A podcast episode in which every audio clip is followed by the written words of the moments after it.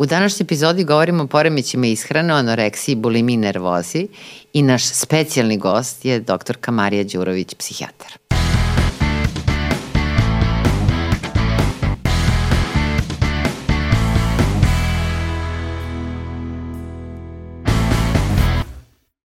Zdravo Marija, s obzirom na to da ovaj, se ti baviš poremećem ishrane, da je to da kažem tema kojom će, o kojoj će danas govoriti, e, ono što mi prvo interesuje kako si se uopšte opredelila da se baviš tim? Kada sam davne 97. godine došla u bolnicu za psihijatriju KBC dr. Dragiša Mišović, E, sticam okolnosti bila sam raspoređena na odeljenje e, za odrasle i tu sam provela godinu ili dve dok nisam saznala da postoje odeljenje za adolescenciju i odeljenje za psihosomatiku gde sam upoznala doktorku Danicu Vidić koja se pre toga bavila uh, lečenjem osoba koje su obolele od poremeća ishrane. To je jedna od redkih psihijatrijskih bolesti koje su smrtonosne. Tako je. Jel ti nije bio tu, nisi imala frku? Pa kao mlad psihijatar, mlad lekar imala sam naravno i frku, ali sam imala i radoznalost i nekako entuzijazam veliki da, da razumem to da razumem e, šta tako mlade osobe e, dovodi u stanje tako e, teško i ozbiljno i stanje koje je potencijalno životno ugrožavajuće.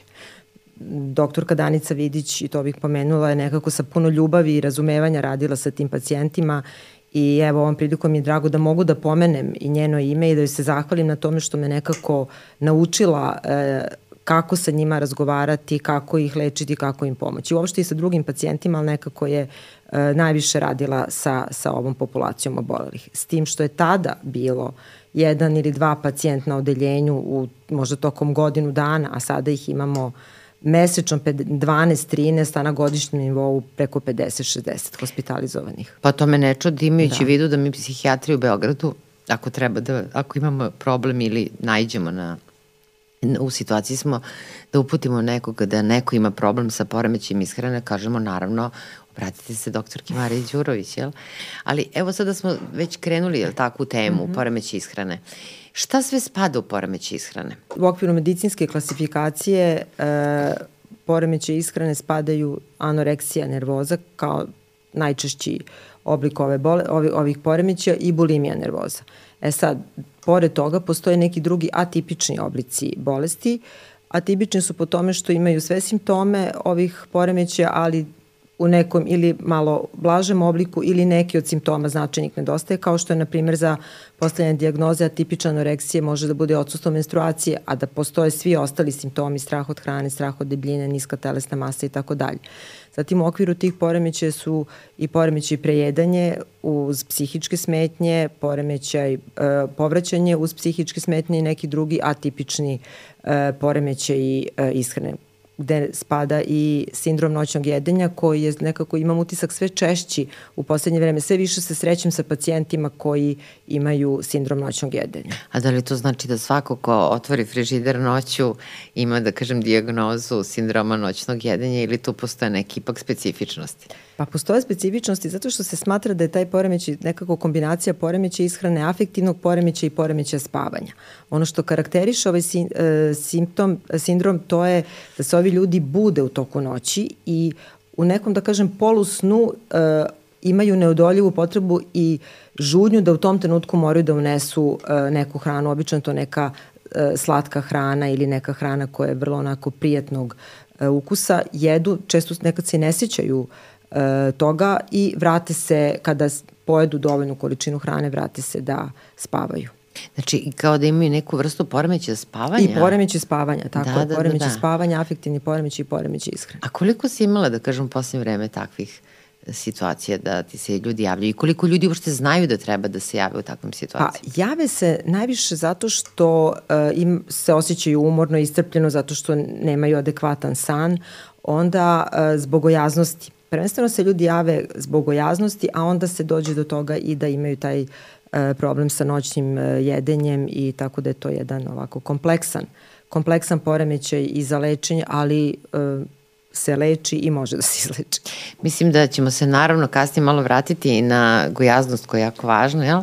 ali nekako sad bih volila da se fokusiramo na poremećaj koji je svima dobro poznat kao anoreksija nervoza. Mm -hmm E, to je poremećaj ishrane, a mm -hmm. i jeste i nije, jel? Jeste, spada u grupu poremećaj ishrane, a e, u suštini mislim da si i dobro pitanje postavila i da. jeste i nije. Simptomi e, koji karakterišu ovaj poremećaj imaju veze sa hranom. Da li osoba jede, da li ne jede, da li izbacuje hranu nasilno ili radi previše nekih fizičkih aktivnosti, a u stvari e, je to samo način da se nosi izbori sa nekim drugim uh, e, problemima koje u tom određenom trenutku svog života ima. Tako da u tom smislu tako i ima i nema veze sa hranom. Hrana je sredstvo, odnosno odnos prema hrane, hrani i hrana su način i sredstvo da se nekako nose sa drugim teškoćama koje imaju. To te pitam jer sam primetila u kliničkoj praksi recimo mm. kada imam pacijentkinju koja bole od anoreksije nervoze i koja ima jako, jako nisku telesnu težinu i ubeđena da je jako gojazna. Mm -hmm. Ako ustanem, stanem ispred nje i pitam je, a da li sam ja gojazna? Ona kaže, ne, vi ste super. Primetila sam da oni jako dobro opažuju telesnu šemu drugoga, ali svoju tako je, ne. Tako je. Da, zbog toga te pitam, da. Pa, to jeste jedan od e, značajnih simptoma bolesti, a to je poremeće telesne scheme, telesne slike i e, ove osobe koje boluju od anoreksije ne vide sebe realno i procenjuju sebe uvek gojaznijim, odnosno debljim nego, nego što jesu. I na odelje, ovo što si rekla, to se i meni događa u ambulanti, ja ih često i pitam uh, i one uh, kako mene vide i šta misle koliko ja imam kilograma ili neko drugi na odeljenju, sestre ili druga kolege na odeljenju. Uh, i onda se one vrlo iznenade kada shvate e, da ja recimo ili sestra imam i 20 kg više od njih, a da one sebe, mislim govorimo o devojkama koje su ekstremno pothranjene, 35, 30 kg i tako dalje. Tako da to uvek za njih bude iznenađenje, ne, ne mogu da kažem otrežnjujuće, neće to pomoći u tome da one pojedu sledeći obrok, ali uvek budu iznenađene kada se kada se ta tema otvori. I često na odeljenju one se naravno uvek upoređuju koje međusobno, međusobno mm -hmm. se mhm. upoređuju, tu ima dosta zavisti, ima dosta rivaliteta, ima dosta i uvek će reći da su, osjećaju se, i to meni govore u, tokom individualne psihoterapije, da sebe vide kao najdeblje na odeljenju, vrlo često će reći da misle da nemaju prava da se leče zato što nisu dovoljno anoreksične, kako kažu, nisu dovoljno bolesne, da ima drugih kojima uh, je očigledno pomoć više potrebnija, a ne one, jer one recimo nemaju 30 kg ili 25, uvek će videti drugi pacijenta na odeljenju kao, uh, s druge strane, deblje od njih, a da, odnosno mršaviji od njih, iako su pacijenti mršaviji od njih. Tako da tu postoji jedan ozbiljan poremećaj u, u tome kako vide sebe i kako vide drugi. A oni često i doživljavaju hranu kao neprijatelja? Tako je, one imaju ogroman strah od hrane i strah od dobijanja e, na telesnoj masi. Odnosno, tu je veliki problem zato što je strah u stvari od sebe same sa većom telesnom masom. Lakše je kada je strah negde s polja, kao na primjer kod agorafobije, kad je strah ako izađem na ulicu ne, ili ne znam ako postoji strah od životinja ili nečega, a ovde je strah sama ja sa većom telesnom masom. Da, da, vrlo interesantno u stvari da to jeste, jeste jedna vrsta da kažem straha vrlo kompleksan poremećaj. Ali ono što je meni bilo interesantno, znam da sam slušala pre par godina jedno tvoje fenomenalno predavanje gde si govorila o načinima na koji e, te pacijentkinje gube na telesnoj težini da su vrlo različiti, da kažem, načini. Sećam se da se pominjala neka nazogastrična sonda, da onda ne znam koliko kilometara dnevno pređu, da imaju nekad i plikove, to je po, po stopalima, to Tako je velika je. patnja tih devojaka. Tako je, velika je patnja, strah je očigledno ogromna. Mislim, mi, to, mi se sa tim susrećemo svakodnevno na odeljenju, jer se to vidi prilikom svakog obroka One mogu da budu i dobro raspoložene, komunikativne i da se druže na odeljenju. Kako se približava vreme obruku, tako počinje da raste uznemirenost. Često je potrebna neka anksiolitička terapija pred obrok. Što znači da im treba neki lek za smirenje? Tako ili? je, tako mm. je. Treba, dobijaju neki lek za smirenje koji im pomogne da koliko toliko umanje taj strah koji osjećaju pred obrok. E, tu su i sestre koje im takođe pomažu da prevaziđu. To su stvarno nekako teški trenuci i to tek kad se vidi može da se razume koji je to nivo straha, jer ovako je jako teško uh, razumeti. E sad, šta neke rade, deša, dešava se i na odeljenju, ali da ne, posebno se dešava pre nego što počnu da se leče ovo što si pominjala, da se sa strahom nose, umanjuju ga tako što posle obroka se uh, kreću, šetaju, uh, rade fizičke vežbe. Imali smo devojčicu od 14 godina na odeljenju koja je svakodnevno radila 2000 čučnjeva. Da bi, da bi umirila sebe i strah s obzirom da je bila aj ne mogu da kažem prinuđena, ali da je ipak jela više nego što je jela kod kuće. Onda se šetaju, šetaju se i po terasi kod nas po odeljenju. Dešavalo se da im uzimamo obuću da ne bi mogle da, da se šetaju po terasi ili po hodniku odeljenja. Kada su kod kuće, one rade vežbe u sobi, zato i roditelji nekad znaju, nekad ne znaju. Tokom covid mi je bilo ovako interesantno jedno zapažanje da sam od pacijentkinja dobila informaciju kako, pošto kad je bilo vanredno stanje, nije bilo kretanja, izlaženja iz kuće, našli su način da uh, u svojoj sobi se kreću u mestu. Sad Ka, ja ne bih da dajem neke ideje da. ovde, da. možemo, bojim se i toga da... Ne, ovaj, ne, ne ali ima na YouTube-u sve može da se nađe Tako kako je. napraviti 10.000 koraka ili ne znam koliko ko mora da napravi u toku dana u mestu, u sobi, u jednom kvadratnom metru. Mislim da se kreće da napravi dovoljno koraka da se osjeća dobro i da se umiri. Da, ovaj, interesantan je njihov odnos prema hrani. Je mnogo manje iskustva nego ti. Ali ono što znam iz njihovih priča, to je da one čak skrivaju hranu po raznim delovima stana, da vrlo, vrlo, da kažem, interesantan fenomen uopšte, gde se nalazi ta pa, hrana, zašto one kriju hranu po nekim delovima stana, van kuhinje, mislim. A, to je e, karakteristične za osobe koje su bolesne od bulimije.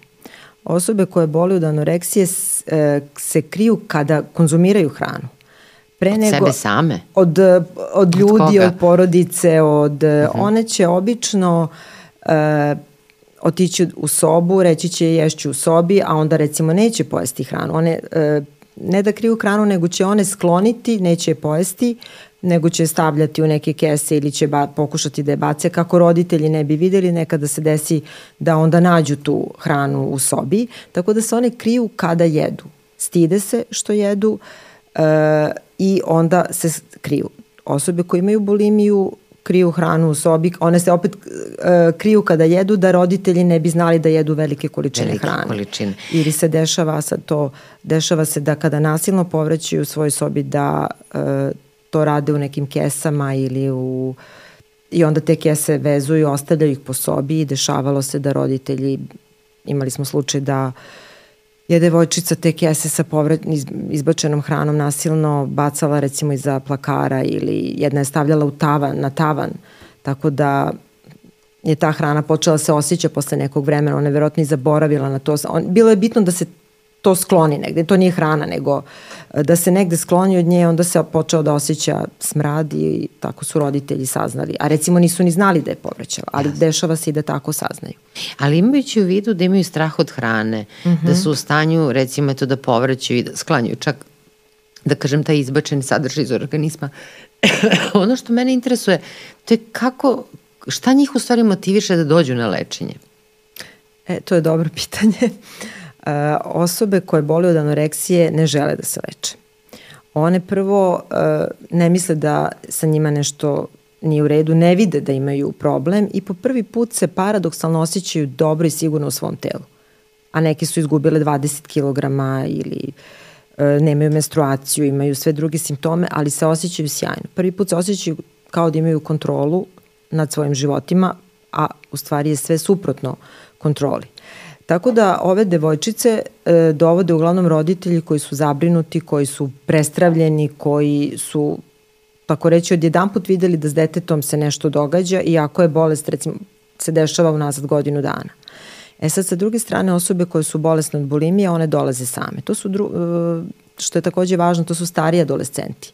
Jer se bulimija dešava u periodu srednje, kasnije adolescencije, znači negde srednja škola, početak fakulteta. A ove devojke sa anoreksijom? One, anoreksija se javlja ranije, e, negde od 12. 14. godine, najčešće nekako u tom periodu oko 14. godine. Možda mi i sada govor... i se isnižava ta granica čak. Da, mi stalno govorimo devojke, devojke, jel, ima, im, mhm. pretpostavljam mm -hmm. da si imala slučajeve i sa mladićima, a ko je da kažem nekako najmlađi tvoj pacijent, koliko ima godina? E, E sad, pošto ja ne radim sa decom, ja radim da. na odeljenju za adolescente, ali moj najmlađi pacijent je bio dečak od 12 godina, čak sam imala dva dečaka od 12 godina i devojčice sam videla najmlađe sa 12 godina, ali su mi se javljale majke sa decom od 8, 9, 10 godina koje sam upućivala, koje nisam ja videla, ali sam ih upućivala dečijem psihijatru. A ja. ovo su deca s kojim sam radila.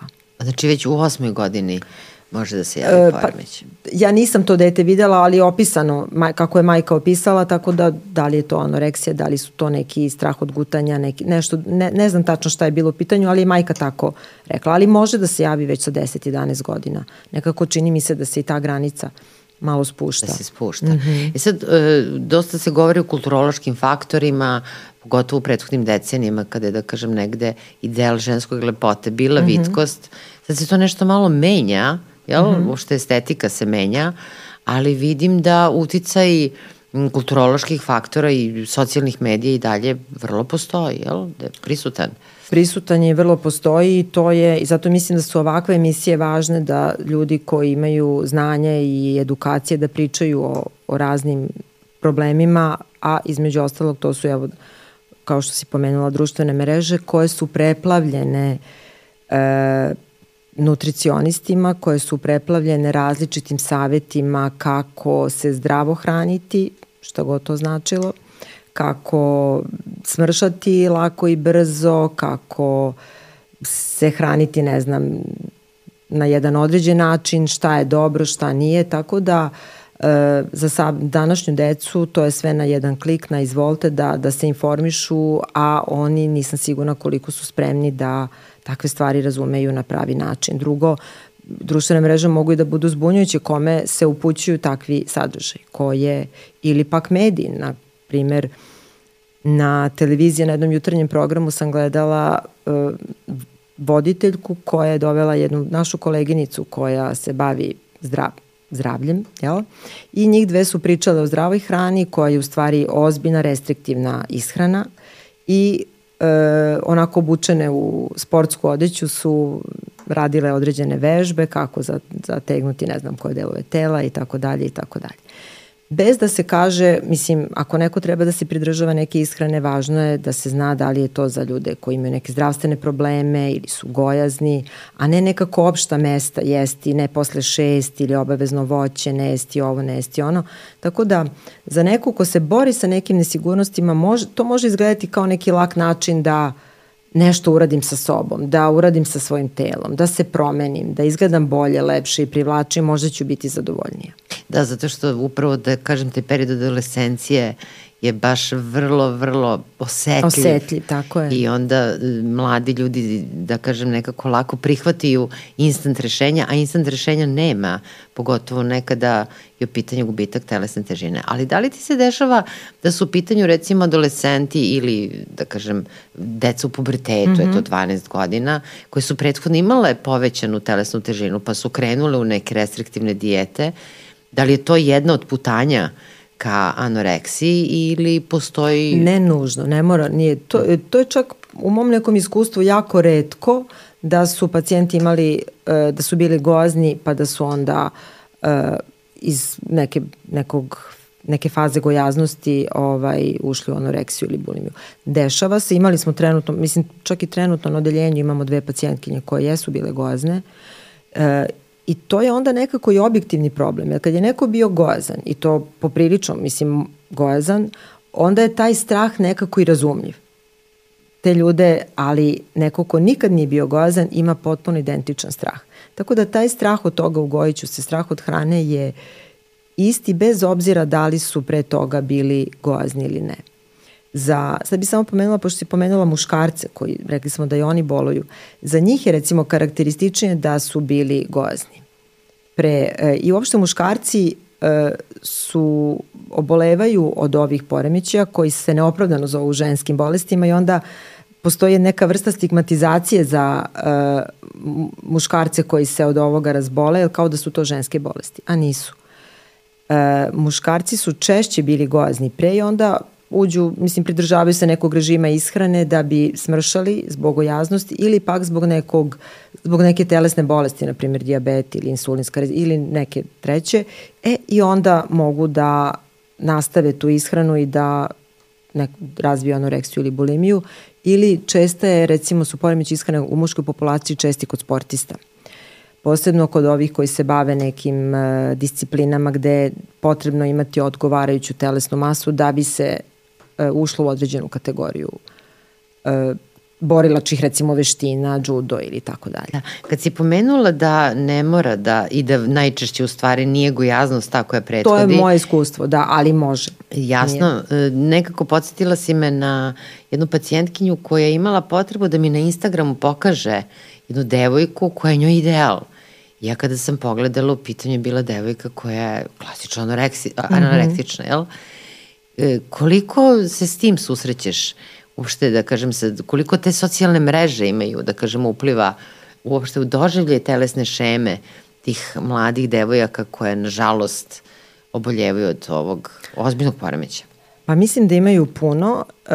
E, često i od roditelja čujem da oni, kažu, oni su, mi da kažem, otkrili neke tajne društvenih mreža, e, odnosno postoje brojni Instagram profili osoba koje su ili se deklarišu kao nutricionisti ili to jesu, a kao što si rekla, vidi se da ta osoba očigledno ima e, ili je imala problem i čak moram da kažem i da neke znam koje su bile lečene ili su znam iz drugih nekih e, izvora da imaju problem sa ishranom i one imaju e, onako na neki način zavodljive, intrigantne te Instagram profile gde vidite da je dosta uloženo, gde nude zdravu hranu, kako se hraniti, kako održavati određeni fizički izgled i imaju, što je zapanjujuće, ogroman broj pratioca, 30.000, 50.000 i to je ono što nekako e, brine i zapanjuje. One nude instant i brza rešenja, e, pokušavaju da, ili čak ima neki koje, se, koje javno kažu da su bile bolesne, ali da će one u 2 i 3 i 5 koraka pomoći ljudima da se reše bulimije, da se reše anoreksije, samo ako im se jave i onda znam da one tu dele svoju priču, stvari svoju potrebu da sa nekim razgovaraju. A kao da je lakše biti na ovoj drugoj strani, ne biti više pacijent, nego biti neko ko će pomagati, a u stvari ni same sa tim nisu izašle na kraj. Jer moje iskustvo, izvini što ovo sam, mislim da je važno da osoba kada izađe iz poremeća ishrane, ona ne želi više o tome da priča. Ko se izleči, taj ne želi da se vraća tamo, taj ne želi da se bavi time, taj ne želi da gleda hranu, taj jednostavno želi da taj deo e, svoje, svog života ostavi tamo, tamo negde gde, gde mu je mesto. Tako da neko ko je u tome i dalje ili čak i da ne znamo ako vidimo te slike na Instagramu nekako jasno šta je u unutrašnjem svetu svakog od nas. Ako pogledamo šta ko stavlja na Instagram. I sad kad kažeš e, u nekoliko koraka, pretpostavljam Aha. da one znači predlažu koliko vremenski period je to Znači par nekih seansi pa ili tako, par saveta. Tako je, tako je. A koliko realno je potrebno recimo da se ozbiljno pozabavimo mladom osobom koja boluje od anoreksije?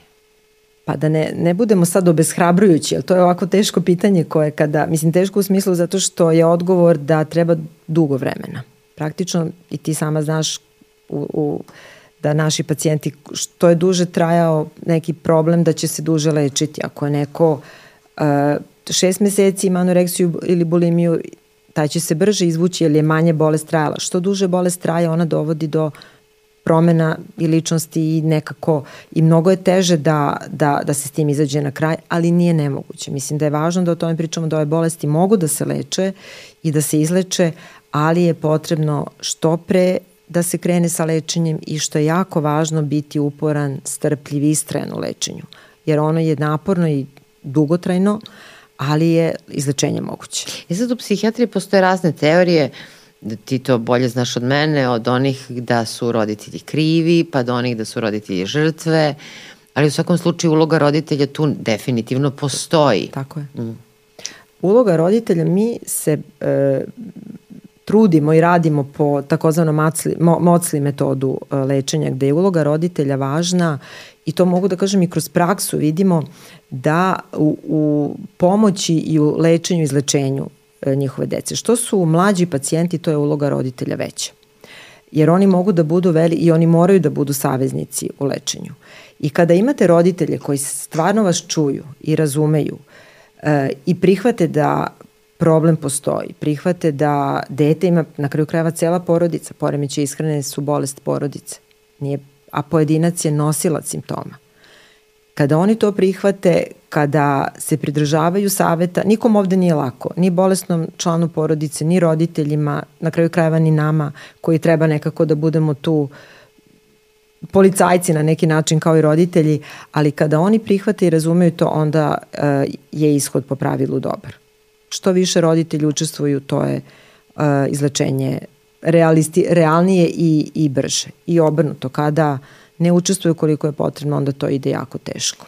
Da, a s obzirom na to da se ipak jave u nekoj, da kažem, fazi bolesti, e, tu je važan kriterijum, ili tako, čuveni indeks telesne mase, ili tako, tako? znači koliko je to otprilike granica neka Pa, e, normalan indeks telesne mase se kreće od 20 do 25. Ranije je bilo od 18,5 do 25, međutim sad je malo podignuta ta donja granica, što mislim da ima, ima zaista smisla, a za postavljanje diagnoze treba da bude ispod 17,5, odnosno da računa se gubitak telesne mase više od 25% od neke koja bi bila optimalna uh, za određenu visinu i uzrast. Jer sad naravno indeks telesne mase možemo izračunati vrlo Tako jednostavno je. na netu, a šta je bitno da ukucamo svoju E, računa se tako što se telesna masa podeli sa kvadratom e, visine u metrima. Znači, ako je neko visok metar i 60, onda to pomnožimo 1,6 puta 1,6, možeš da izračunaš, i e, telesno, to bude obično, ne znam, 2, nešto ili 3, nešto, e, taj ta, tu vrednost, odnosno vrednost telesne mase podelimo sa tim sa kvadratom visine u metrima. Ali pretpostavljam da se redko kad javlja neko ko je malo ispod granice, tako? Ispod granice i tog indeksa telesne mase normalnog.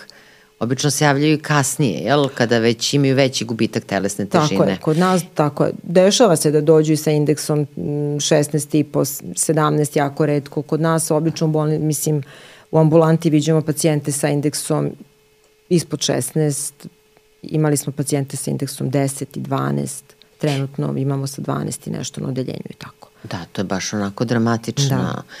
Ovo te više pitam u stvari ne znam toliko zbog brojke, mm -hmm. brojke su najmanje, najmanje bitne u našim životima, nego više e, zato što mi je to pokazatelj da roditelji kao da negiraju, jel? Oni, ili oni primećuju da dete gubi na težini? Kako, kako, kako se dešava da kao da imaju slepu mrlju, kao da ne vide šta se dešava u njihovoj kući? to je jako inter, mislim, interesantno i važno pitanje. Kako se to dešava, a sad možemo i da mislimo zajedno, ja nekako imam dva neka odgovora, ali sigurno da ima još nešto. E, prvo zato što ova bolest nekako šunjajuće, polako se uvlači kako u, u samu osobu i nekako sve više počinje da gospodari njenim životom, tako se polako i uvlači u porodicu. E, devojčica, devojka će možda smanjiti količinu hrane preskočiti neki obrok, obično to neki obrok u školi, roditeljima će reći jela sam kod drugarice, jela sam u školi, roditelji rade dva posla, idu u džim, idu ovde, onda bave se nekim svojim aktivnostima, ne primećuju. E sad, za to vreme ova devojka, devojčica još počne da vežba, šeta, krene da sprema kuću, odmah posle obroka pere sudove, čisti. Obično nešto što adolescenti ne rade, ali nekako roditelji to i dalje ne primećuju. Drugo, oni su, oni su vrlo vešte u, u tome da sakriju svoje simptome. E, ranije, sada nešto čini mi se manje, su se oblačile više slojno. Znači oblače duksericu, džempere, tako da sakrivaju svoju mršavo. Sada to nije više tako, sada se više adolescenti oblače, čak i ovi koji su bolesni, da se to vidi, ali one to kriju od roditelja. E sad, drugo je pitanje zašto roditelji ne primete. E, dešava se i da znaju, a da imaju, da kažemo, slepu mrlju za to, da je nemoguće da, ne, teško im je da poveruju da njihovo savršeno dete, to su obično deca koja su dobri đaci, koja su poslušna, koja su mirna, ni, ni po čemu buntovna ili upadljiva, ovaj, nekako im je teško da pomisle da dete nešto ima neki problem ili da nešto radi što ne bi smelo da radi. I nekada kada, evo skoro mi jedna pacijentkinja rekla da je ona pokušala da signalizira da ima bulimiju i da povreća. I ona mi tvrdi da njena majka godinu dana zna, a da ništa nije po tom pitanju uradila i da je ona na kraju rekla sestri, bilo je sti da kaže majci, rekla je sestri da ona kaže roditeljima. Tako da imamo s jedne strane adolescenta koji krije svoje ponašanje vrlo vešto uh, i roditelje koji nekako neće da vide da dete uh, ima problem. Kod anoreksije vide kada već oz, ili izgube deca menstruaciju i onda neki kažu to je prvi simptom. To nije prvi simptom prvi simptom se desio možda godinu dana pre gubitka ciklusa. Tako da vide ili to saznaju ili jednostavno vide da je dete izgubilo puno uh, u telesnoj masi i onda se jako uplaše, onda hitno pregled, jedan, drugi, hitno hospitalizacija i tako dalje, a da je dete bolesno možda i dve godine pre toga ili neki duži vremenski period da to, da to niko nije primetio. Da sad pomenula si bulimiju, potpuno drugačiji poremeće, a opet postoji neka tajna veza da. u toj evoluciji. Može da se javi tako prvo jedan poremeće, pa, pa iz njega drugi. drugi pa da. Onda... Da, jer sećam se e, jedne pacijentkinje koja je imala istovremeno bulimiju i zloupotrebljavala je neke psihoaktivne substance, mm -hmm. često i to, to sam mm -hmm, primetila. To često da, ide, tako je, da, sa, sa da. bulimijom. Da. A bulimija u stvari podrazumeva prekomerno unošenje. Koliko je to? 10.000 kalorija, koliko se ja sećam, jel? Dešava I više se tako i do 15.000 kalorija mogu da unesu u toj jednoj bulimičnoj epizodi. To je, a to je porcija čega? Šta, šta, šta, šta su stanje da... To su nezamislive, to može... Šta ti govore, primer, obično? Pa mogu da pojedu četiri hleba, dva litra mleka, dve, tri kut, one tegle nutele, na primjer, ili tegle džema. One, kada im se dešava ta bulimična kriza, one mogu da pojedu, mislim šta god im se nađe tu pri ruci, ne znam, može da bude nekoliko onih porodičnih sladoleda, ručak za celu porodicu, ceo pleh kolača i tako dalje. Bulimiju karakteriše ta uh, žudnja, da kažemo neobuzdana i uh, jedna strašna impulsivnost i žudnja da se u tom trenutku pojede uh, ogromna količina hrane, uh, e, one će reći osjećam glad ili neku potrebu da pojedem, ali posle prvih nekoliko zaloga više one i ne osjećaju ukus te hrane, nego se samo mehanički e, unose velike količine hrane, posle čega se naravno osjećaju jako loše, stide se svog ponašanja i onda nasilno povrećaju. E pa to, taj mm -hmm. deo u stvari je nekako meni uvek dramatičan kada dođu i kada kažu i kada u stvari negde verbalizuju to svoje osjećanje užasne krivici i patnje. Patnje, nemoći, bespomoćnosti, stida, gađanja prema sebi, često će to da kažu koliko se gade sebe i svog ponašanja. I opet u krug. I onda opet u krug. Pa onda, posle bulimične krize ili epizode, onda odlučuju da gladuju neko vreme zato što su se prejedale tada, naravno ne mogu da izdrže da gladuju dugo i onda se ponovo prejedaju, ponovo povrećenje i tako se taj krug nekako vrti sam, sam sebe, da, a epizode te mogu biti impulsivne, tako kao što sam rekla, a mogu da budu i planirane.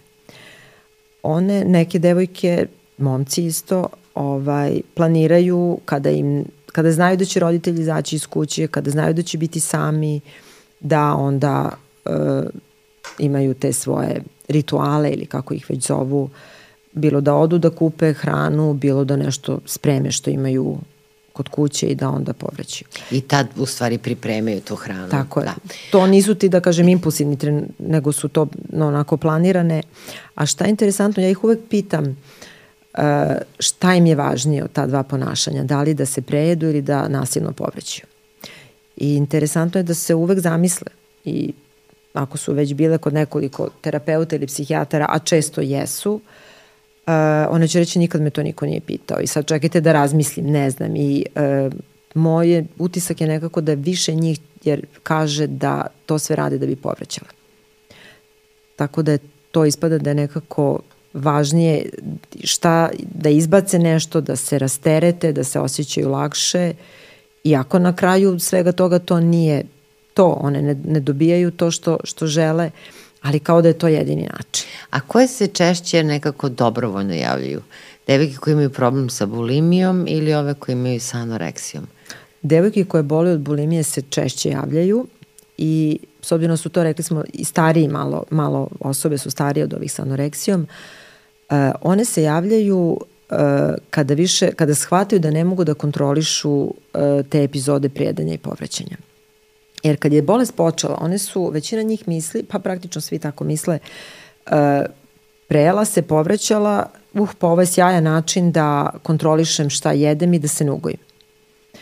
I to tako krene dok e, potpuno ne izgube kontrolu nad tim ponašanjem, dok ne shvate da ne mogu više da kontrolišu e, unos hrane, te bulimične epizode mogu biti više puta dnevno, svaki dan, to je jako iscrpljujuće i fizički i psihički. I dešava se da uh, u toj svoj nemoći, već smo sad pomenuli osjećanje stida, gađenja, gađenja i nemoći, one e, imaju suicidalne misli, čak 50, ja mislim veliki, 53% ima suicidalnu ideaciju od, pacijenta, od osoba koje su bolesne od bulimije, izvini. Želi da- Razmišljaju da... o suicidu kao načinu da, da izađu na kraj sa tim, jer ne mogu da izađu drugačije. E, I de, dešava se da imaju pokušaje suicida i da onda dolaze posle toga uplašene da, i to mislim ozbiljne pokušaje suicida, nekoliko pokušaja i onda dolaze na lečenje. E, često se dešava da dolaze same, bez da porodica zna. Koliko je to godina obično? Pa to su studenti, na primjer, ili adolescenti koji idu, su neki treći, četvrti razred, ima neki... gimnazije, roditelji ne znaju ništa i one ne žele da roditelji znaju I to, to sam htjela te i pitam. traže pomoć. Ali da. ima neki poseban razlog zašto ne žele zbog tog osjećanja krivice, pretpostavljam. One se užasno stide svog ponašanja i osjećaju se krivim što imaju, što su bolesne, Uh, one misle da su krive i odgovorne za svoju bolest i da su nekako same napravile, kako kažu, tu bolest. I sad, na koji način ti njima prvo pomogneš u smislu da im nekako malo smanjiš to osjećanje krivice? Jer jezivo je kada to dođe do nivoa da žele da dignu ruku na sebe, da razmišljaju o tome. One misle da niko ne može da ih razume, da uh, ih uopšte ne samo po pitanju bolesti, po pitanju bolesti tek da ne može niko da ih razume i možda jeste teško razumeti, ali e, nekako neko treba da ih čuje, ali one ne, nemaju tu, to iskustvo da neko razume njihovu patnju i da niko, neko može da ih čuje.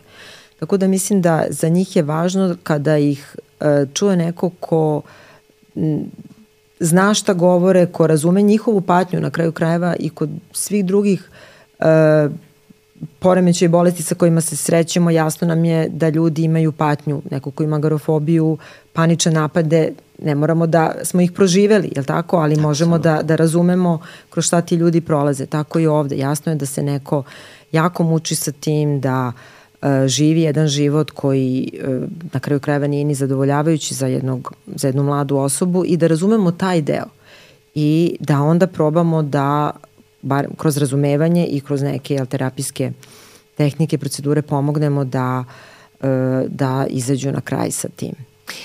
Postoje lekovi, ili tako, koji se daju tako kod je. bulimije da se malo smanji, da kažem, ta potreba za hranom. Tako je. A pored lekova, psihoterapija se koristi, koristi se? Koristi se psihoterapija, mislim, osnovni lek, mislim, alat. Prvi, ta, osnovni alat, tako je, lekove koristimo kada procenimo da je pacijent da je depresivan, a na kraju krajeva za bulimiju, kao što si rekla, postoji lek koji je indikovan za lečenje bulimije, za anoreksiju, nažalost, nemamo lekove koji su indikovani, za koje možemo da kažemo ovo je lek koji leči anoreksiju, ali postoje lekovi koje možemo da koristimo da, da bi se redukovali neki od simptoma bolesti, to je simptom straha, uh, pa i depresivnost ako se proceni da je osoba depresivna, s tim što treba imati na umu da uh, je najveći deo simptoma kod osoba sa anoreksijom pa možda i sa bulimijom uh, su posljedica gladovanja, kod anoreksije prvenstveno, kad je neko gladan, bit će i razdražljiv i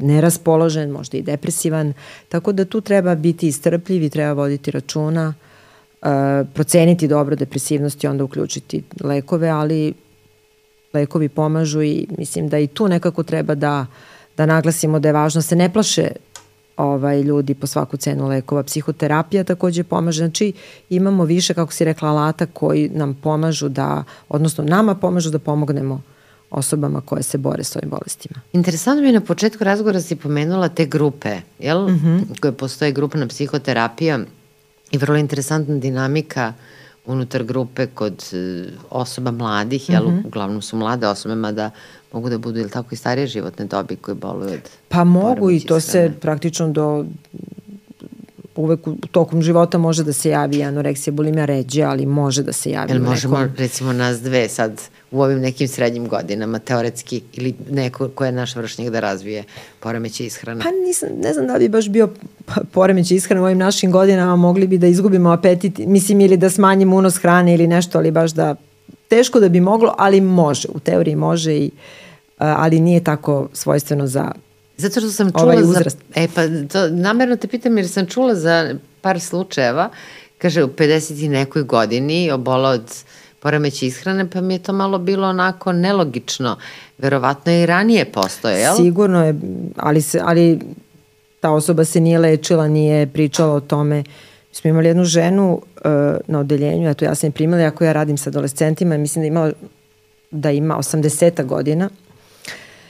Uh, I sad nismo zaista verovali da je da ona žena ima anoreksiju, međutim ona je interesantno, verovatno nikad lečena ovaj, od anoreksije, jedna ovako obrazovana fakultetski gospođa koja je prvi put tada došla zato što je bila u lošem opštem stanju, tako da smo mi njoj tu pomogli, e, rešili, da kažem, akutnu situaciju, ali je to najverovatnije neki nelečeni, nelečena anoreksija, decenijska O, tako da, eto, to je pre moguće, mislim, kao nelečeni problem, nego da se javi u nekoj... Da tako, se po prvi put, po prvi javi, put da. javi, tako je. Ali, kao što smo rekli, ne pričaju o tome i onda je moguće da...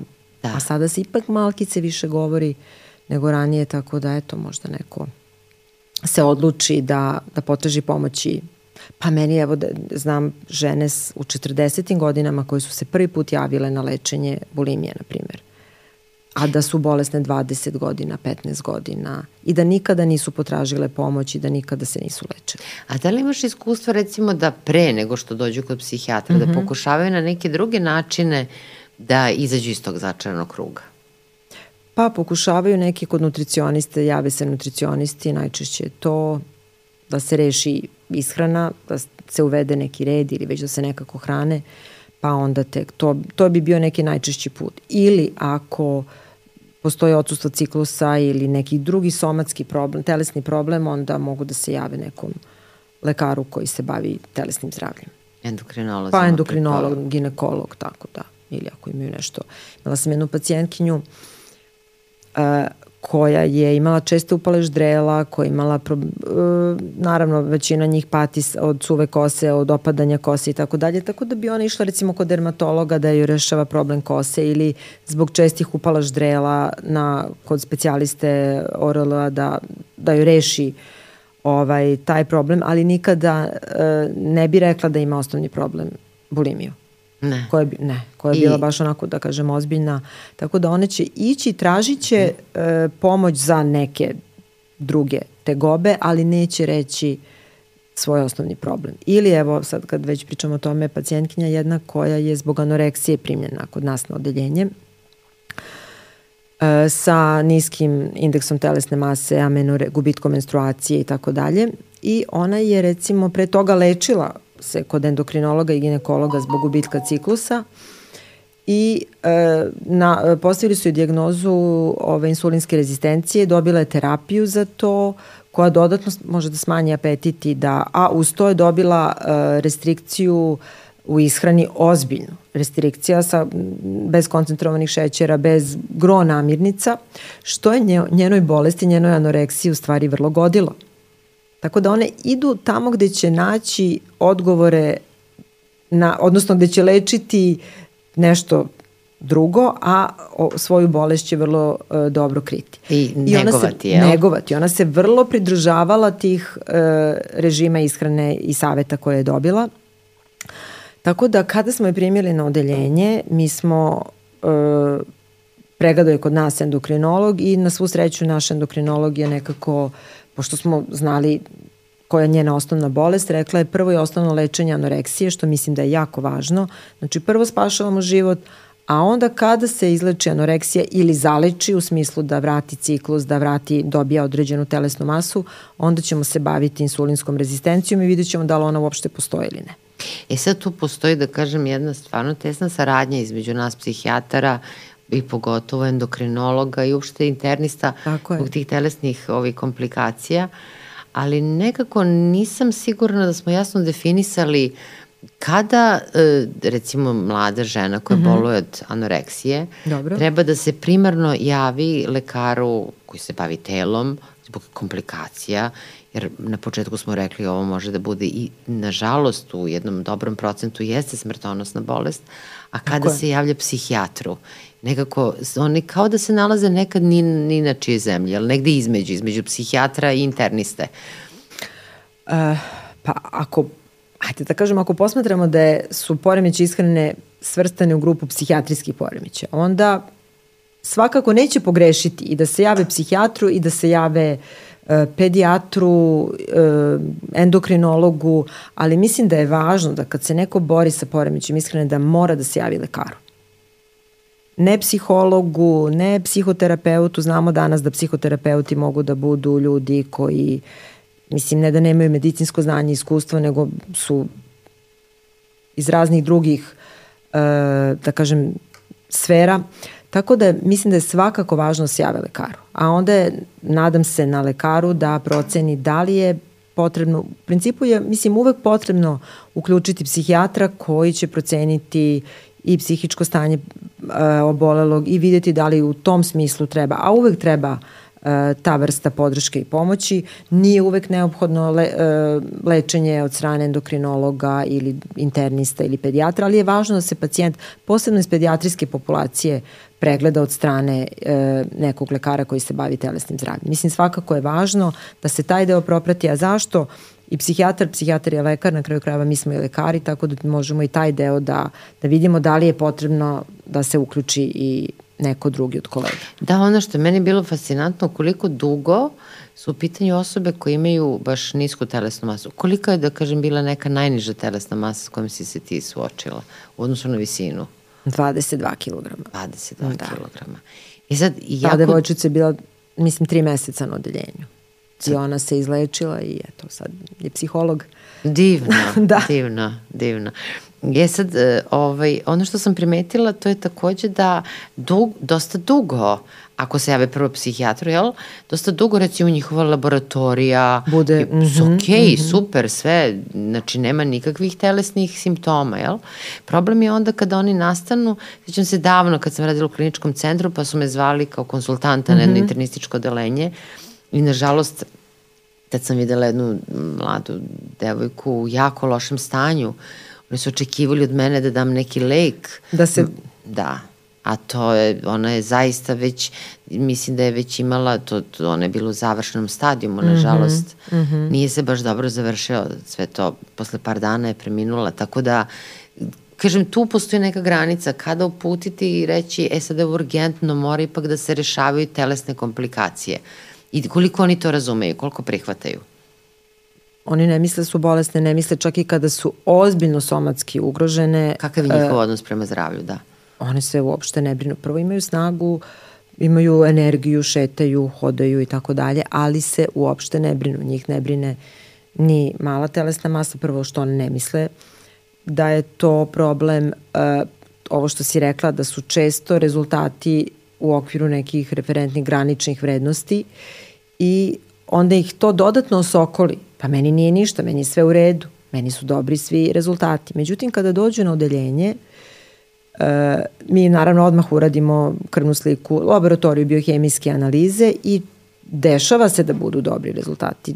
Možda pre to nego da ne budu, a kad nisu dobri onda je već poprilično ozbiljno. Ali isto tako, ja im kažem da, i odnosno kažem im da to ne mora ništa da znači, da ćemo tek videti u stvari kakvi su kada dobijaju nekoliko dana infuziju, prvo jako im je teško nekad i dati, uzeti krv ili da e, ovaj, naći venu zato što su vene suve, krte, kako kažu naše sestre, kolabirane, tako da zato što su one dehidrirane. U stvari je e, dobra krvna slika i nalazi su lažni. Tako da kada one se malo rehidriraju, kada se unese tečnost i kada se onda uradi krvna slika i laboratorija, odnosno biohemija, onda budu rezultati drugačiji.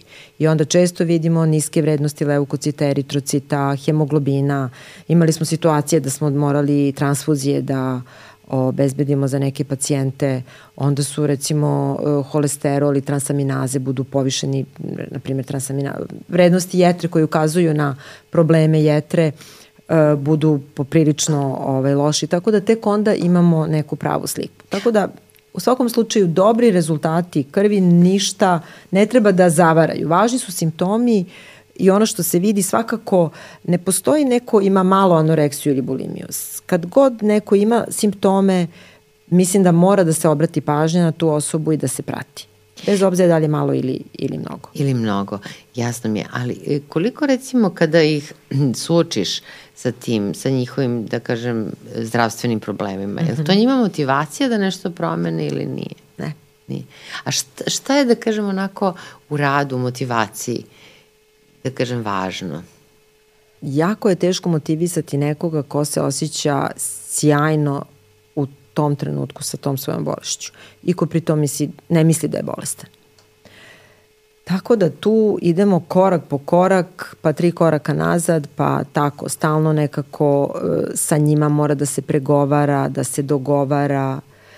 E, sada jedna devoj, devojka na odeljenju, ili u stvari ovo je nešto što je uobičajeno, da stalno e, pregovaramo koliko one treba da dobiju, pa da ih pustim kući uvek imamo neki dogovor koliko kilograma bi trebalo recimo da dobiju na odeljenju da bi mogle da idu kući. E onda u tome su stalno neki pregovori da li može manje pa da ide. Onda one često mogu i da jedu, one kad dođu u bolnicu neke e, bez problema jedu, bez problema ponašaju se vrlo, e, da kažem, saradljivo, ali sa ciljem da izađu iz bolnice. Cilj je ne izlečiti se, nego samo izaći iz bolnice. I onda ću jesti kad e, mislim to kažu, ješću kad izađem, ali se to ne desi. Tako da koliko treba istrajnosti, upornosti e, sa strane samog pacijenta koji se leči, toliko treba i sa ove druge strane e, biti uporan, istrajan, dosledan, izdržati sve to, a teško je svima u tom putu i procesu. Znači veliko strpljenje. Da, a da. neka vrsta edukacije roditelja, saveti njima? E, pa mi imamo na našoj, u našoj bolnici u stvari imamo uh, grupe za roditelje koje su počele još možda pre 10, 15 i ne znam više godina koje su se, od, se održavaju jednom u dve nedelje i te grupe su jako značajne jer one imaju za cilj e, da roditelje edukujemo, da ih obučimo kako i šta da rade. S druge strane, da roditeljima pomognemo da razumeju bolest i što je jako važno da odvoje bolest od deteta to je, oni će često reći ona je bezobrazna, ona je ovakva, manipulativna i tako dalje. Mnogo je važno da se bolest odvoji i da se mi svi zajedno, to i mi kažemo, i mi kao stručnjaci koji im pomažemo, oni i njihovo dete ujedinimo zajedno protiv uh, bolesti koja ne, njihovu celu porodicu nekako narušava. Tako da su te grupe značajne, jer oni se tu i povežu između sebe, da bodre se na, na ne, i mislim i upoznaju se i posle se čak i neki ljudi druže, ali čuju iskustva drugih, vide da nisu sami, e, nauče od jedni od drugih šta da rade, šta da ne rade i to je važno, šta ne raditi. Tako da su te grupe za roditelje vrlo značajne. Onda smo tokom COVID-a ih online vodili, sada još uvek postoje online. Sjajno. Tako da, eto, to je od velikog značaja za, za pomoć. Znaš šta me Marija interesuje? Ovaj, malo smo pričali nešto o tome da ovo nije ženski poremeć, mm -hmm. jel? već da se može javiti i kod mladića. A da li tu postoje neke specifičnosti? E, ka, ili razlike, da kažem, e, ne samo u pogledu, da kažem, učestalosti, češće kod devojaka, dobro, ok, to svi Samo znamo. Češće. Da, ali da li postoje neke specifičnosti, kako, kakvi, kako, šta karakteriše u stvari anoreksiju, što je poremeć ishrane kod mladića? E, Ono što je interesantno to je da e, su simptomi i klinička slika u oba pola potpuno identična. E, isto kreće, isto se ispoljava i tako dalje. Ono što je e, negde možda ohrabrujuće to je da se u muškoj popula za, za muškarce mnogo je lakše mnogo je lakše lečenje, kad mogu tako da kažem, i da je prognoza bolja u odnosu na osobe ženskog pola. E sad, koji su faktori, uh, u čemu se razlikuje? Razlikuje se u tome što osobe, uh, muškarci koji se razbole od poremeća ishrane, moj nešto mislim da više e, sam imala pacijenata bolesnih od bulimije nego anoreksije, su objektivno e, često, znači postoje četiri grupe. U jednoj grupi su muškarci koji su bili gojazni pre bolesti, sprovodili su neku redukcijnu dijetu i onda, onda su polako ušli u poremeće ishrane. Druga grupa su muškarci koji su imali neku telesnu bolest koja je zahtevala određeni režim e, ishrane, pa je to onda se nastavilo u bulimiju ili anoreksiju. Treća grupa su sportisti, to sam napomenula, i u četvrtoj grupi, a tu je najveći procenat obolelih od poremeća ishrane, to je skoro negde 20% od ukupnog broja bolesnih od poremeća ishrane u muškoj populaciji su uh, homoseksualno orijentisani muškarci. Tako da je tu bolest jedan od nekada razloga da se jave za pregled, pa onda možda se dođe i do toga, pa se radi na raznim nekim drugim temama. Tako da, ali svakako Ali se razlikuje aha. prognoza između tih grupa. E, pa, e, lakše je sa ljudima koji su e, iz nekakvog drugog razloga e, dobili poremeđaj ishrane. Lakše se e, leči kod gojaznih, kod, ajde da kažem, sportista, nego kod e, ove poslednje grupe koji su homoseksualci. A već kada smo pomenuli, da kažem, zdravu ishranu, mm -hmm. jel možemo možete da definišemo šta je to zdrava ishrana? E, probat ćemo, ali e, je to teško pitanje, ali samo iz, izvini, vratila bi se na ovo muškarcima, mislim da je onako interesantan primer, pa ćemo doći na zdravu ishranu. E, lečila sam jednog mladog čoveka koji je tada bio absolvent prava i e, imao je sve desetke na fakultetu, bio je odličan student, bio je odličan đak, u školi, bio ono što smo već pomenuli, poslušno dobro dete i u svemu čega bi se latio je bio uh, vrlo uspešan i on je se meni javio zbog anoreksije bulimičnog tipa i to nismo pomenuli, pa eto mogu posle i to da pomenem. I ono što je on rekao uh, tokom terapije, tokom lečenja je da uh, jedino zašto se osjeća, u čemu se osjeća uspešno i dobro, to je njegova anoreksija. Ni desetke, ni uspeh u raznim nekim drugim sferama života mu nisu tako se činili bitni i važni koliko to što je uspeo da tako nekako gladuje i da održi tu telesnu masu nisko. Da, to je jako interesantno da. i mi će u vidu da postoje ipak neke, da kažemo, karakteristike ličnosti, jel tako, kod ovih osoba da su oni perfekcionisti, mm -hmm. da vole kontrolu, jel? Mm -hmm. Verovatno i kod ovog mladića je u stvari ta tako kontrola je. nad... Tu nekad nije bit, imati anoreksiju, nego biti, imati najozbiljniju anoreksiju, imati najmanje kilograma, biti najmršaviji na odeljenju, biti najmršaviji. Tako da i, i tu postoje i neka, neki rivalski rivalitet sa, sa osta, odnosu na ostale pacijente. Odnosu biti na ostale... najbolji u bolesti, biti najbolesniji. Čak biti i najbolesniji. Da, jer ako da. nisi dovoljno, ako ti nije dovoljno nizak BMI, Uh, onda, ne, evo, to sam već i pomenula uh, ranije, da onda nemaš, kao da nemaš pravo da, da budeš na odeljenju i da se lečiš. Da.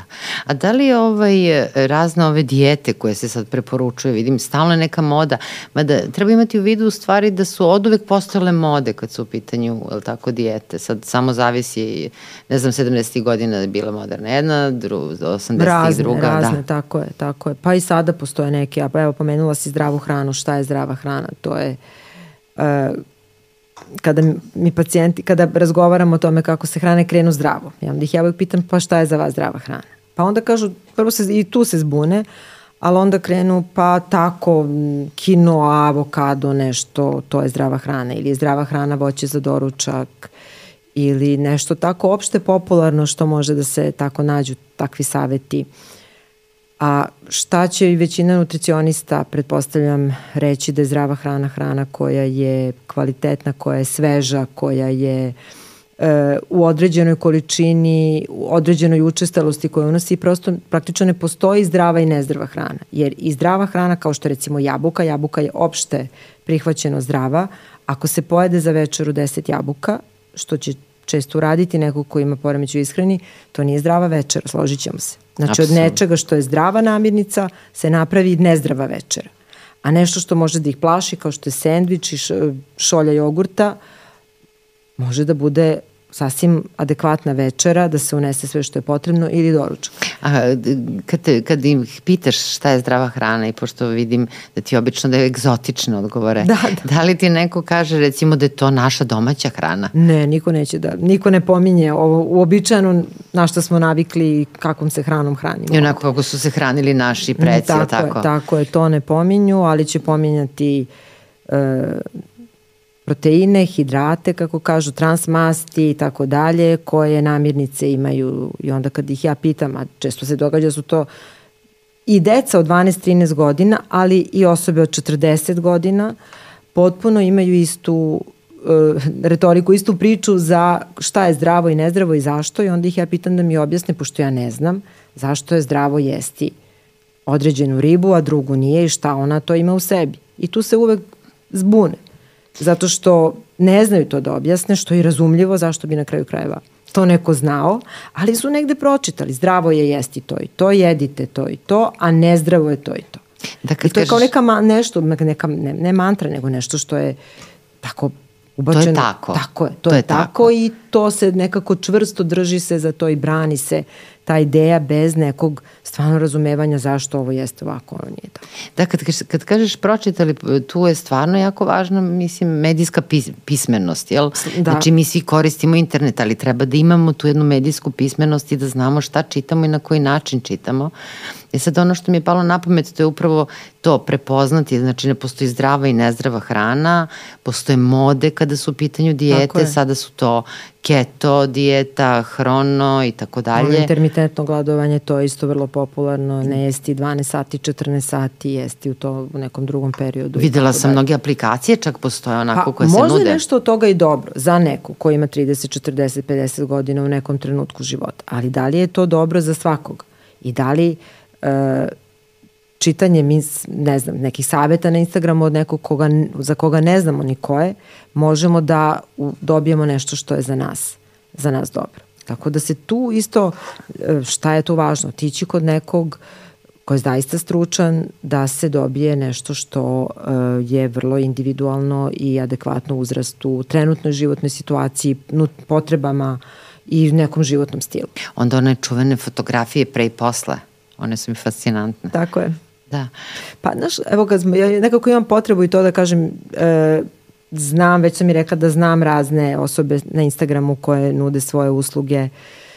E, znam osobe koje su odjedan put rešile da se bave e, ishranom i e, da kažem tim delom života ili i lečenja na kraju krajeva, a koje su ceo svoj život do tada radile neke druge poslove i nemaju nikakvog iskustva u tome, ni u radu sa ljudima kojima je to potrebno, ali imaju vrlo e, primamljive Instagrame e, i na taj način mogu da pridobiju razne ljude da im veruju. Tu su naravno 20 godina iskustva i tako dalje i tako dalje, a kada znate ko je iza toga, onda je vrlo upitno i negde je zabrinjavajuće. Evo mene kao lekara to zaista uh, brine.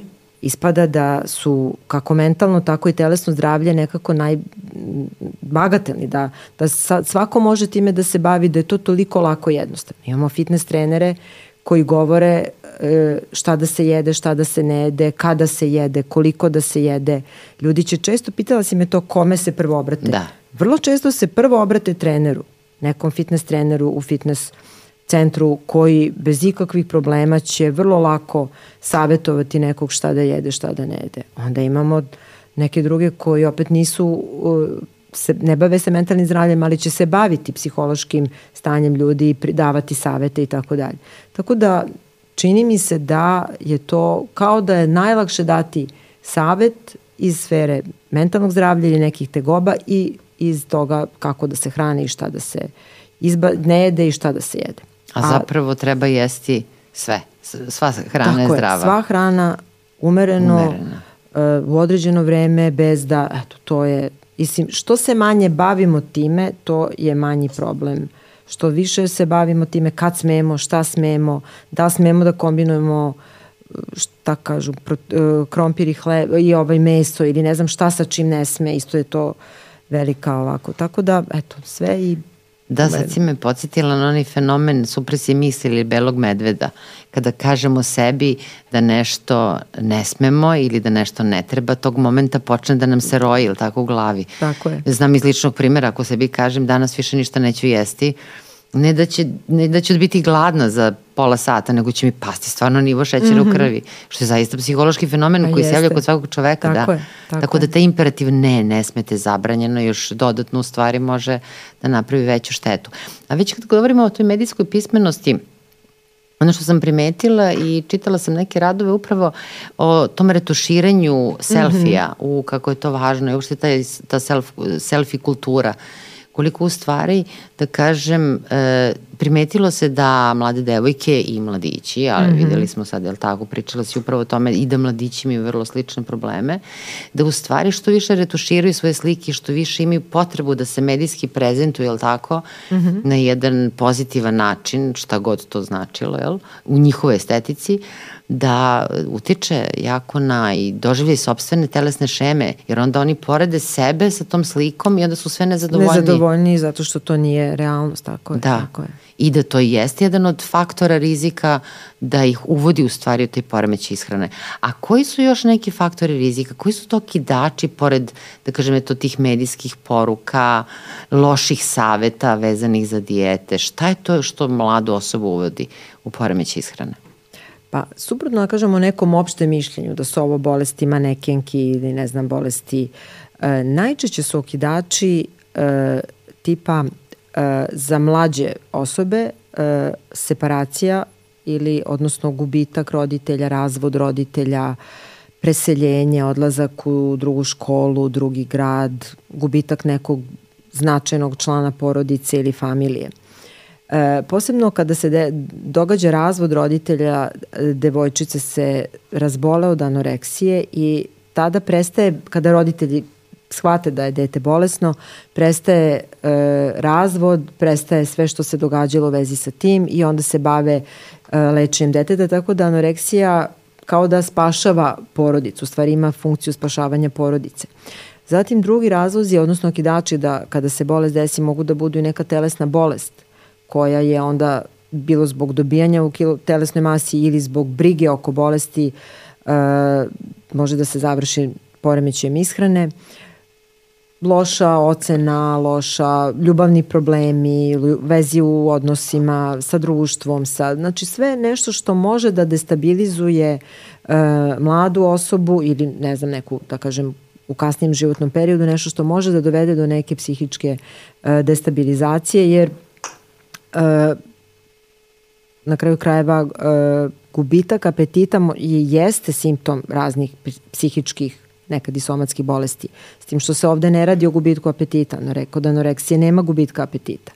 Ali kontrolom uh, unosa hrane može da se kontroliše anksioznost. Mislim, po znacima navoda ništa ne kontroliše anksioznost, ali može da se osjeća tako, da se osoba doži, osjeća bolje u tom smislu. Upa, onda je tu pogotovo veliki problem ukoliko dete razvije tokom procesa razvoda braka, jer ono, ono je onda motivisano da je stalno u tom problemu kako bi u stvari mama i tata bili zajedno. Bili zajedno, da. da. A često su i, e, pričali smo i o porodici, rekli smo da su roditelji važan e, važni za lečenje, dešava se u porodicama. To je češće kod osoba sa bulimijom. Da postoji problematična porodična situacija. Kod anoreksije to ređe, to je više onako uh, da kažem nevidljivo, ali kod osoba koji imaju bulimiju e, u porodici može biti neki drugi psihijatrijski poremeća tipa depresije nekog od roditelja, alkoholizam ili neki drugi e, poremeći iz sfere bolesti zavisnosti, zlostavljanje je moguće,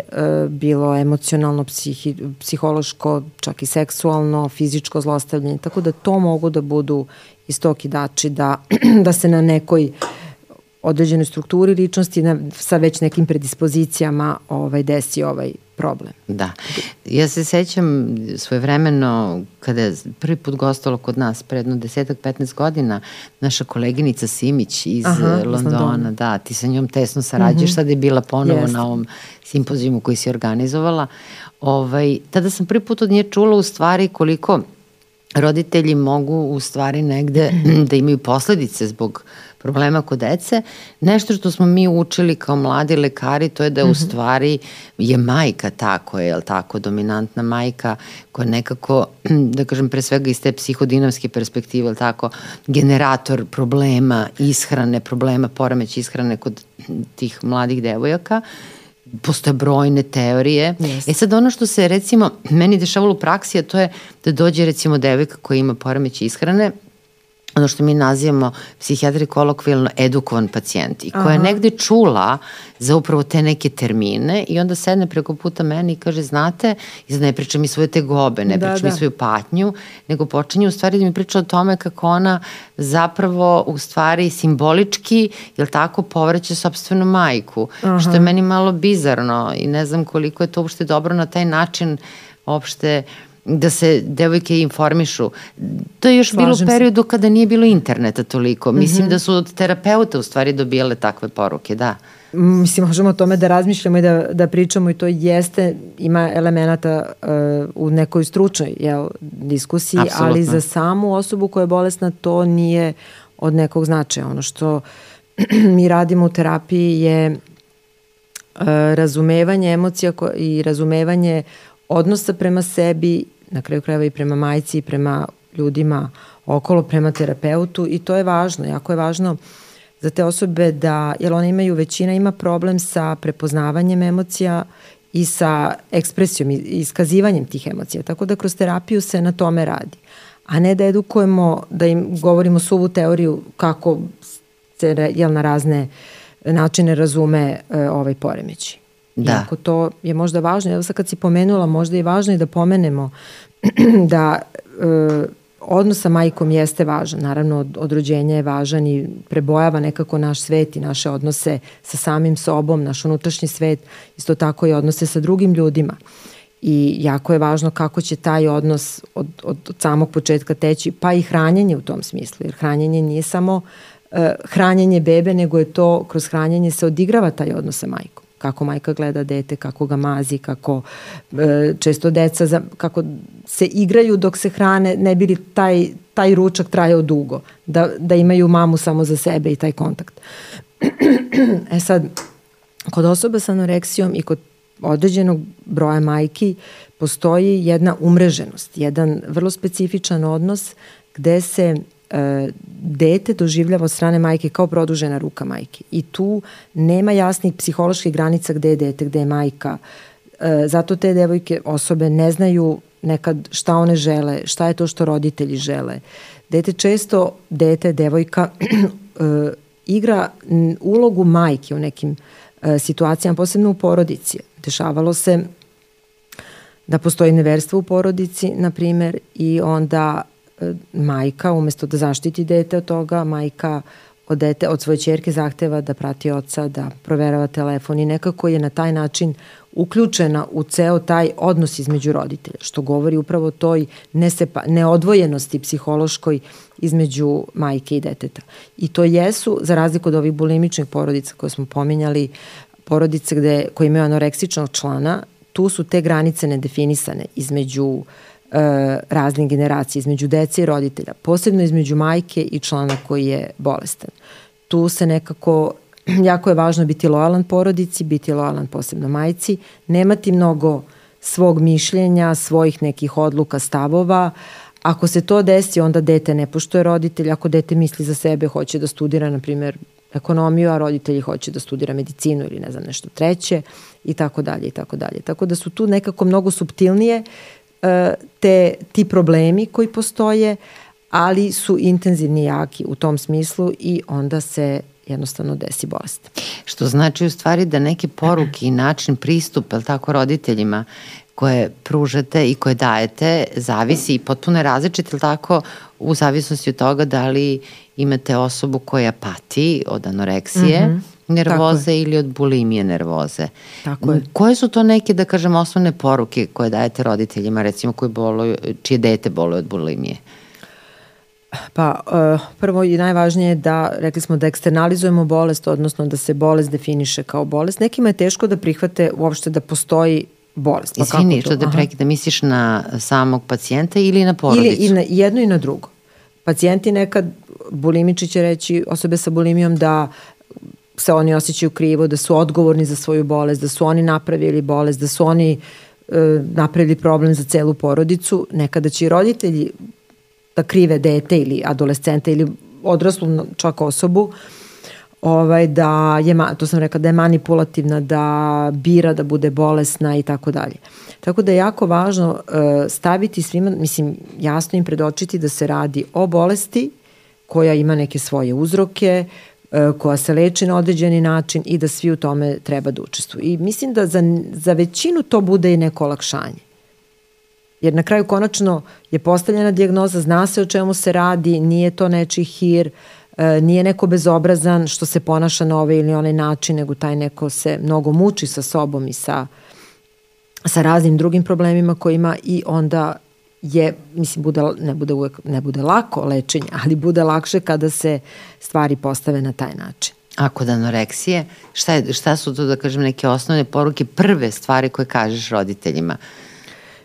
I tu isto je važno da se zna, da se prepozna da postoji problem. E, ono što im često, mislim uvek kažemo da će kada se postavi dijagnoza i kada se krene sa lečenjem postane još teže nego što je bilo. Na što se oni prepadnu i uplaše. E, nije cilj da se neko uplaši, ali neko ko da savet za dve, tri ili za 20 seansi mi ćemo rešiti problem, to će biti lako i tako dalje, a to sam isto čula da roditelji i, i oboleli isto čuju, taj neko očigledno, mislim ne zna ove bolesti, ne poznaje ih, tako da uvek kada se počne lečenje postane teže. Zašto? Zato što se roditeljima ili na kraju krajeva su, supružni, imamo i nekada dolaze mlade Partneri. žene sa mhm. partnerima, je tako, dajemo savete, da moraju da vode nadzor nad ishranom, nad obrocima, e, da se zna šta je osoba pojela, nije, da se vodi računa i o novcu koji koristi, troši i tako dalje. Nešto, mislim, slično lečenje je slično lečenju bolesti zavisnosti. Iako ove bolesti ne spadaju bolesti zavisnosti, ali lečenje je negde slično.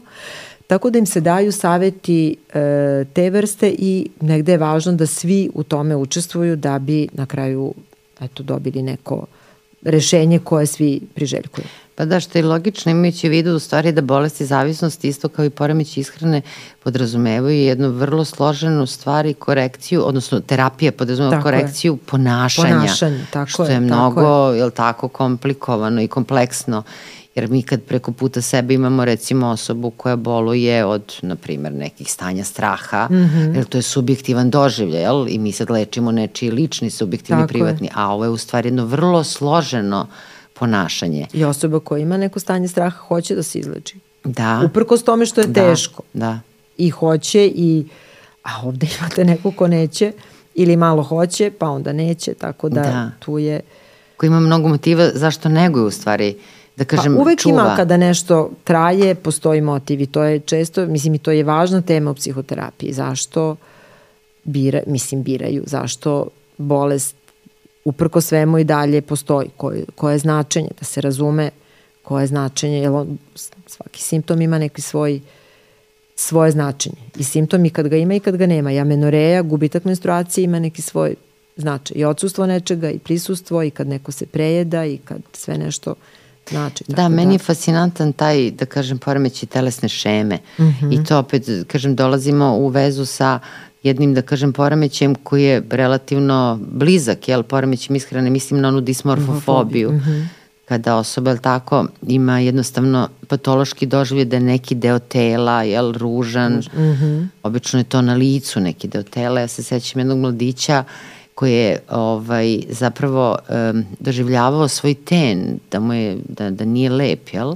Jer je on je smatrao da u stvari njegova koža treba da bude kao photoshopirana beba, jel? Mm -hmm. I onda sećam se svaki put kada priđe da se, da recimo da se obrije, on je dobio panične napade, on nije mogao da se obrije, a pri tome mu je ten bio lep, mm -hmm. ok? On je Čovjekino. bio lep, apsolutno, da, da. da, apsolutno nikakav problem. Jedan mladić koji je bio hiperinteligentan, uspešan, šta god da je uzeo da radi u životu, bio je zaista briljantan, mm -hmm. ali njegov strah je bio izuzetan. Da, koliko je čest, da kažem, tada smo, mada ranije kada su se radile plastične intervencije se išlo kod psihijatra, kako, da, kako sada. sam čula sad, da. toga više ne, nema. Ne, ili, makar kod psihologa da se ode da se vidi da li zaista neko objektivno ima problem sa nekim delom tela ili nema, toga nema. Koliko su česti, da kažem, ta stanja kod osoba koje boluju od poremeća ishrane? Pa, praktično uvek postoji. Uvek. One su nezadovoljne izgledom stomaka butina, uglavnom će se na to žaliti, neka će se žaliti na neke druge delove tela. Ovo su uobičajeno tipične. Stomak je svima uvek veliki fokus. problem, fokus, tako je i butine, mm.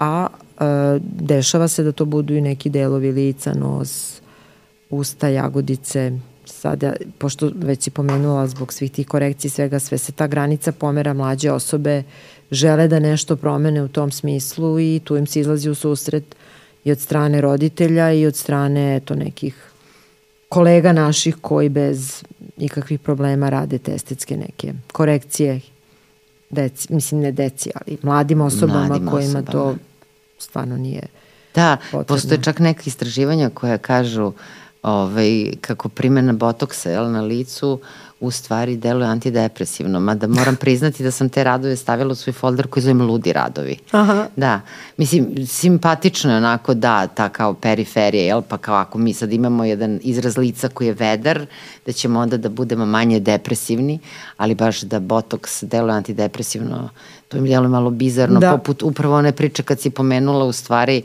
ovaj, upotrebu određenih lekova za lečenje telesnih bolesti, ili tako, mm -hmm. kao popularnih za lečenje dijete, mm -hmm. da. Mm -hmm. Da.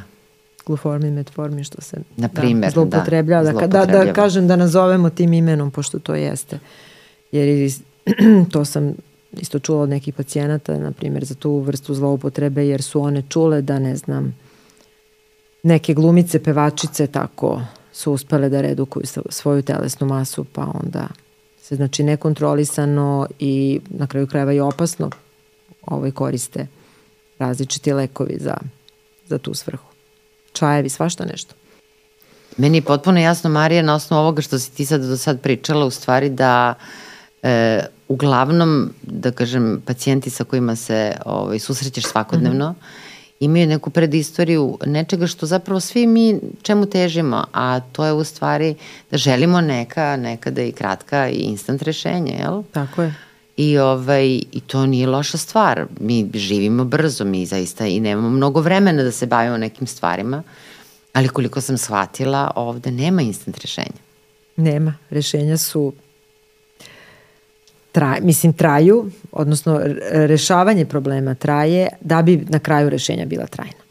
Što tako znači da, u stvari da e, preporuka, je li tako da zdravo se hrani, koliko dugo? Par nedelja režim uz neke fizičke aktivnosti. Za lečenje nude, čega? Za lečenje, za lečenje ili anoreksije ili bulimije. Pa, najčešće su u pitanju nisu nedelje nego meseci, a nekad i godine, ali e, hraniti se tačno onako kako odredi nutricionista ili specijalista higijene, ali još možda i bolje zajedno da u saradnji jednih i drugih, posebno kod osoba sa anoreksijom, tu moramo stalno da mislimo pogotovo ako su jako pothranjeni ekstremno na ozbiljne komplikacije kao što je refeeding sindrom, ljudi čak i o tome znaju, tako da se hrana mora postepeno uvoditi u određenoj kalorijskom unosu po, po danu i da se postepeno pojačava, povećava. Tako da svakako sve traje mesecima sigurno. Nekad i godinu dana, nekad i dve, ali posle toga ako se bude dovoljno uporan i istrajan u tome. Mislim da to ne treba da obeshrabri e, ljude što dugo traje lečenje zato što i simptomi ne traju kratko pre nego što se sa lečenjem započne. I da rezimiramo nekako na kraju, pomenuli smo na početku da ovo je jedno od redkih psihijatrskih stanja koje može da bude smrtonosno, ajde da ne budemo toliko pesimistični, ali svakako jeste opasno stanje, je li tako? tako opasno je. zato što napada i dušu, ali napada i telo. Tako je, mislim da je važno da budemo i realni, A, a to je, to znači da, rekla si da su ove bolesti praktično jedine bolesti, ja mislim, evo, ispravim ako grešim u psihijatriji, koje e, imaju i telesne i psihičke simptome koji mogu da budu jako ozbiljne. I praktično od psihijatrijskih bolesti je najveća smrtnost kod poremeća ishrane i ona se kreće čak do 15% i neko istraživanje sam e, našla koje govori da 10% pacijenata bolesnih od anoreksije u periodu od 10 godina umre od momenta kad je bolest počela, što je po prili, mislim to je veoma zabrinjavajuće. E, važno je da napomenemo i da e, smrtnost nastaje kao posljedica suicida, da ovi pacijenti kada ne mogu da se bore, zato je još veći razlog i više, mislim da se potraži pomoć što pre, e, nastaje kao jel, posljedica suicida, a nekad i od telesnih komplikacija, bolesti, odnosno telesnih komplikacija gladovanja. Možda kratko da kažem i koje su komplikacije, a one su e, praktično se tiču svih naših, svih sistema organa našeg tela, tako da počeo od kože, digestivnog trakta, centralnog nervnog sistema, e, koštanog sistema, mišićnog, ne postoji ni jedan deo našeg tela koji je pošt, koji može gladovanje da zaobiđe i koji ne, ne, ne snosi neke posledice uh, od ovih bolesti. Pa takođe od bulimije. Bulimija je tu isto opasna zato što se ne unosi dovoljno svega što je potrebno za nekako normalno funkcionisanje našeg tela. Drugo, uh, epizode prejedanja i nasilnog povraćanja mogu dovesti do ozbiljnih komplikacija u smislu poremećaja srčanog ritma, pa i naprasne srčane smrti, do rupture jednjaka, do pucanja jednjaka želuca i tako dalje da. zbog nasilnog povraćanja. Tako da je jako važno da se vrlo ozbiljno shvate ove bolesti. Što se tiče psihičke, e, psihičke sfere, kao komplikacija bolesti nastaju depresivnost, anksioznost, povlačenje, socijalna izolacija, nekada mogu da se desi i psihotične epizode i tako dalje, što zahteva svakako ozbiljno praćenje i psihijatra, to smo već pričali, i psihijatra i lekara koji se bavi somatskim zdravljem. A kako neko može da prepozna, recimo roditelj ili bilo ko iz okruženja, kako može da prepozna da neko ima poremeć ishrane, anoreksija, bulimija? Sama osoba koja ima poremeće zna da je bolesna i krije, to smo, to smo rekli. E sad ovo je jako važno pitanje jer može mnogo da pomogne samim osobama koje su bolesne. Kako se prepoznaje anoreksija? Ako porodica, partner, roditelji ovaj, primeti da osoba jede manje, da je promenila nešto u načinu ishrane, počela se hrani zdravo, kako smo rekli, izbegava neke namirnice, e, kaže jela sam ili u školi ili na poslu, a da je niko u porodici ne vidi da jede. Odlazi u svoju sobu, znači ne jede pred drugima.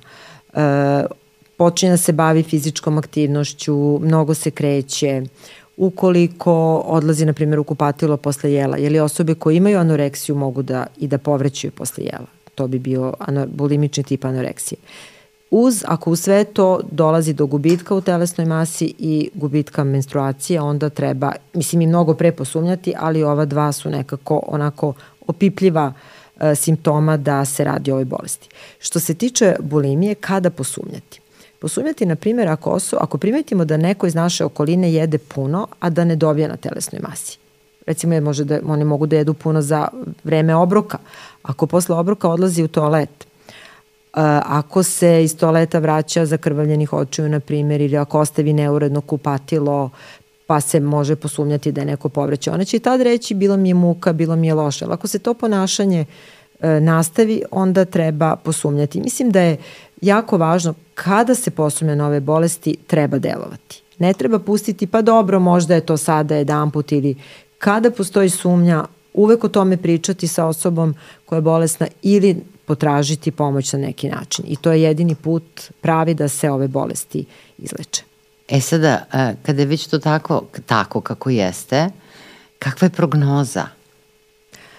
Prognoza je dobra, što je bolest kraće trajala i što se pre započne, počne sa lečenjem i što se je više istraje u tom lečenju, prognoza je dobra. Tako da ove bolesti mogu da se leče i da se izleče, ali je jako važno da se počne sa lečenjem i da se u njemu istraje. E sada, da li u toj prognozi igra važnu ulogu, odnosno koliko ulogu igra i činjenica da neko što pre osvesti i što pre se javi psihijatru? E, naravno, što se pre javi psihijatru i što se pre počne sa psihoterapijom, to će i naravno ishod biti bolji. Jer je važno da se razume šta se događa, važno je ovim osobama pomoći da razumeju e, svoje, svoje osjećanja, da razumeju sebe, da razumeju odnose sa drugim ljudima i da na taj način im se pomogne da iz ovih bolesti izađu.